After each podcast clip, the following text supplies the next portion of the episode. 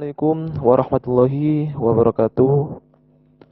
Allahumma salli ala nuril anwar wa siril asrar wa tiryakil awyar wa miftahil babil yasar Sayyidina Muhammad al-Mukhtar wa ahli al-athari wa ashabil awyar adada ni'amillahi wa ifdali. Alhamdulillah Rabbil Alamin Melalui pesan suara ini Saya masih bisa uh, menyampaikan beberapa kalam hikmah Berkaitan dengan mata pelajaran Al-Quran Hadis ya bab selanjutnya yaitu bab 2 dari surat Al-Imran 186 yang sebelumnya dari bab 1 sampai uh, kemarin surat Al-Baqarah telah dijelaskan oleh Pak Nurali. Ya. Untuk selanjutnya, untuk teman-teman mendua Kabupaten Malang yang dirahmati oleh Allah ini, disiapkan buku tulisnya atau alat-alat tulisnya.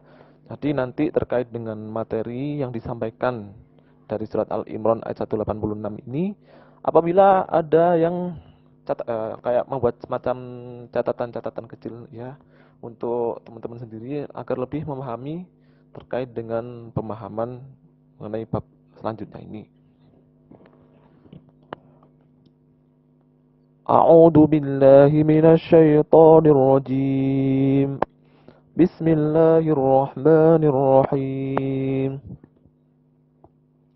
لتبلون في أموالكم وأنفسكم ولتسمعن من الذين أوتوا الكتاب من قبلكم ومن الذين أشركوا أذى كثيرا وإن تصبروا وإن تصبروا وتتقوا فإن ذلك من عزم الأمور Kemudian terjemahan ayatnya Kamu sungguh-sungguh akan diuji terhadap hartamu dan dirimu Dan juga kamu sungguh-sungguh akan mendengar dari orang-orang yang diberi kitab sebelum kamu dan dari orang-orang yang mempersekutukan Allah Azza wa Jalla. Gangguan yang banyak yang menyakitkan hati, jika kamu bersabar dan bertawakal, maka apa? Maka sesungguhnya yang demikian itu termasuk urusan yang patut diutamakan. Kemudian eh, selanjutnya itu penjelasan ayat ini yaitu mengandung pesan ya tentang kemuliaan orang-orang yang bersabar dalam menghadapi cobaan jadi suatu keniscayaan ujian akan diberikan, akan diberlakukan ya pada diri dan harta dari setiap orang pastinya. Kemudian ujian pada diri seorang bisa berupa sakit fisik, kemudian kelemahan, bahkan pembunuhan, peperangan, atau bentuk ujian-ujian fisik yang lain ya, kayak seperti misal kayak bencana juga termasuk ujian itu. Jadi ujian dalam harta atau berupa kekurangan, kemelaratan, pencurian, perampokan, dan lain sebagainya. Bisa jadi ujian dan cobaan itu melalui orang-orang ahli kitab dan orang musyrik misalnya. Ucapan dan sikap mereka bisa jadi membuat kita merasa tidak nyaman, bahkan mengganggu goyahnya apa keimanan dari kita ya. Namun kepastian balasan bagi yang menghadapi semua itu dengan sikap sabar adalah kedudukan yang baik di sisi Allah. Ya.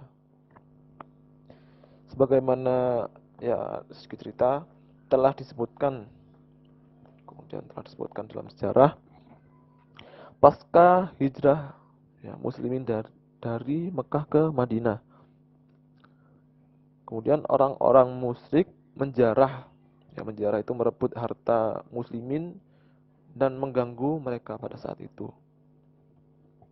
Kemudian di sisi lain, warga Yahudi Madinah menghina muslimah dengan sindiran lisan dan bersikap biadab kepada mereka yang ada secara itu. Kemudian hal ini terus berlanjut sehingga membuat Nabi Muhammad SAW geram hatinya ya dan mengeluarkan perintah agar akan membinasakan orang yang mengganggu tersebut.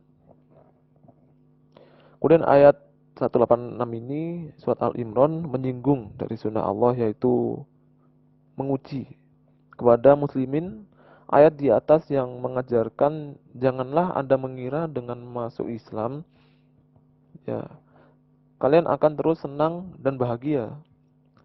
Jadi kalian hari uh, kalian harus siap diganggu dan dihujar dengan makarnya musuh. Bahkan sekiranya kalian tidak uh, tidak mengusik mereka, ya, bahkan mereka yang akan mengganggu kalian. Ya, siapa musuh-musuh Allah ini? Jadi tujuan dari ayat ini ialah memberitahukan bahwa hendaknya hendaknya ya, hendaknya kaum e, muslimin memperkuat dirinya terhadap sabar dan tidak mengeluh pastinya sehingga manakala musibah menimpanya tidak terlalu berat dirasakan.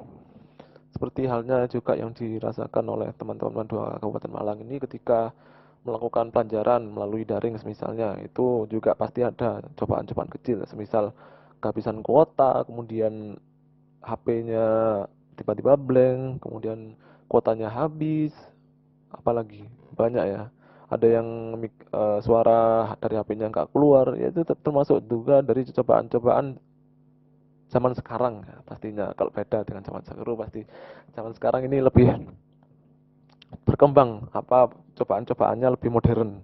Ya lewat HP itu cobaannya.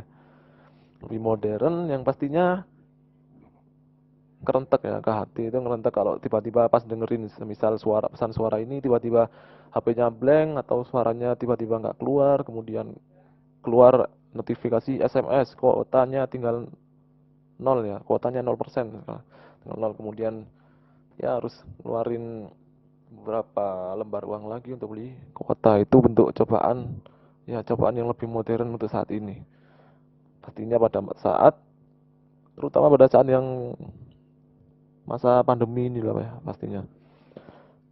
Kita juga harus bersabar ya. Pastinya kalau pas cobaan melalui sekolah daring ini sekiranya teman-teman dua kabupaten Malang ini juga diikhtiarkan juga ya, ketika belajar jadi nggak terlalu menyerah terhadap keadaan.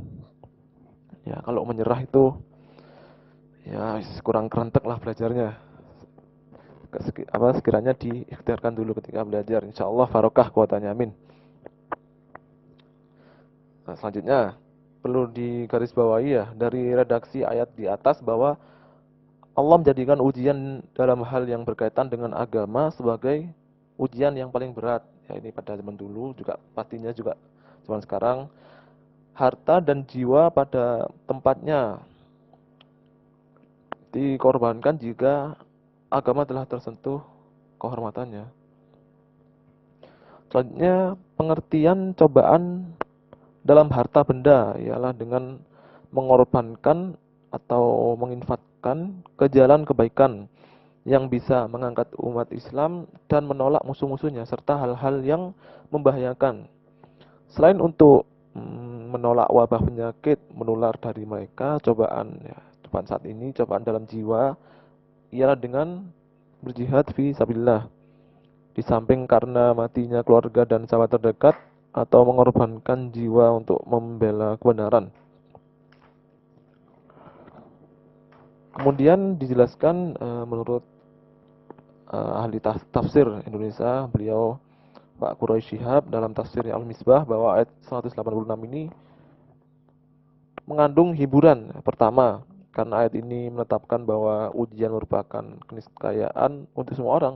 Sehingga siapa yang dihadapkan pada ujian, hendaklah ia menyadari bahwa bukan orang pertama dan terakhir. Ya, bukan satu-satunya orang yang mengalami ujian tersebut. Jadi pastinya ujian yang diberikan oleh Allah kepada kita ini sudah kadarnya dari keimanan kita ujian dan bencana yang dialami banyak orang akan menjadi lebih ringan apabila dipikul, eh, dipikul dibandingkan ujian itu menimpa satu orang. Ya. Jadi yang merasakan itu misalnya masa pandemi ini, musibah pandemi ini, yang merasakan nggak cuma satu orang, tapi satu dunia, seluruh di dunia. Ya, wabah pandemi ini termasuk apa bencana internasional ya. Tingkatannya udah tinggi. Biasanya kan lokal-lokal gitu bencana. Ini enggak kalau bencananya ya kalau wabah corona ini udah internasional. Ya yang sabar saja ya teman-teman. Kita juga merasakan juga dari dampak pandemi ini. Yang penting diikhtiarkan dulu ketika belajar. Kedua ya dari tafsirnya Al-Misbah dari Pak Quraisy siap tadi Penyampaian tentang keniscayaan ujian merupakan persiapan mental menghadapinya sehingga apa? Kedatangannya yang telah terduga itu menjadikan lebih ringan untuk dipikul. Semisalkan kita memiliki harta,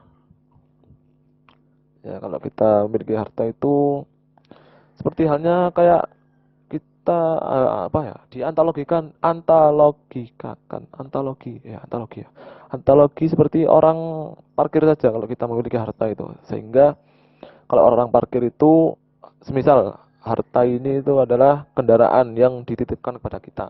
Itu orang parkirnya.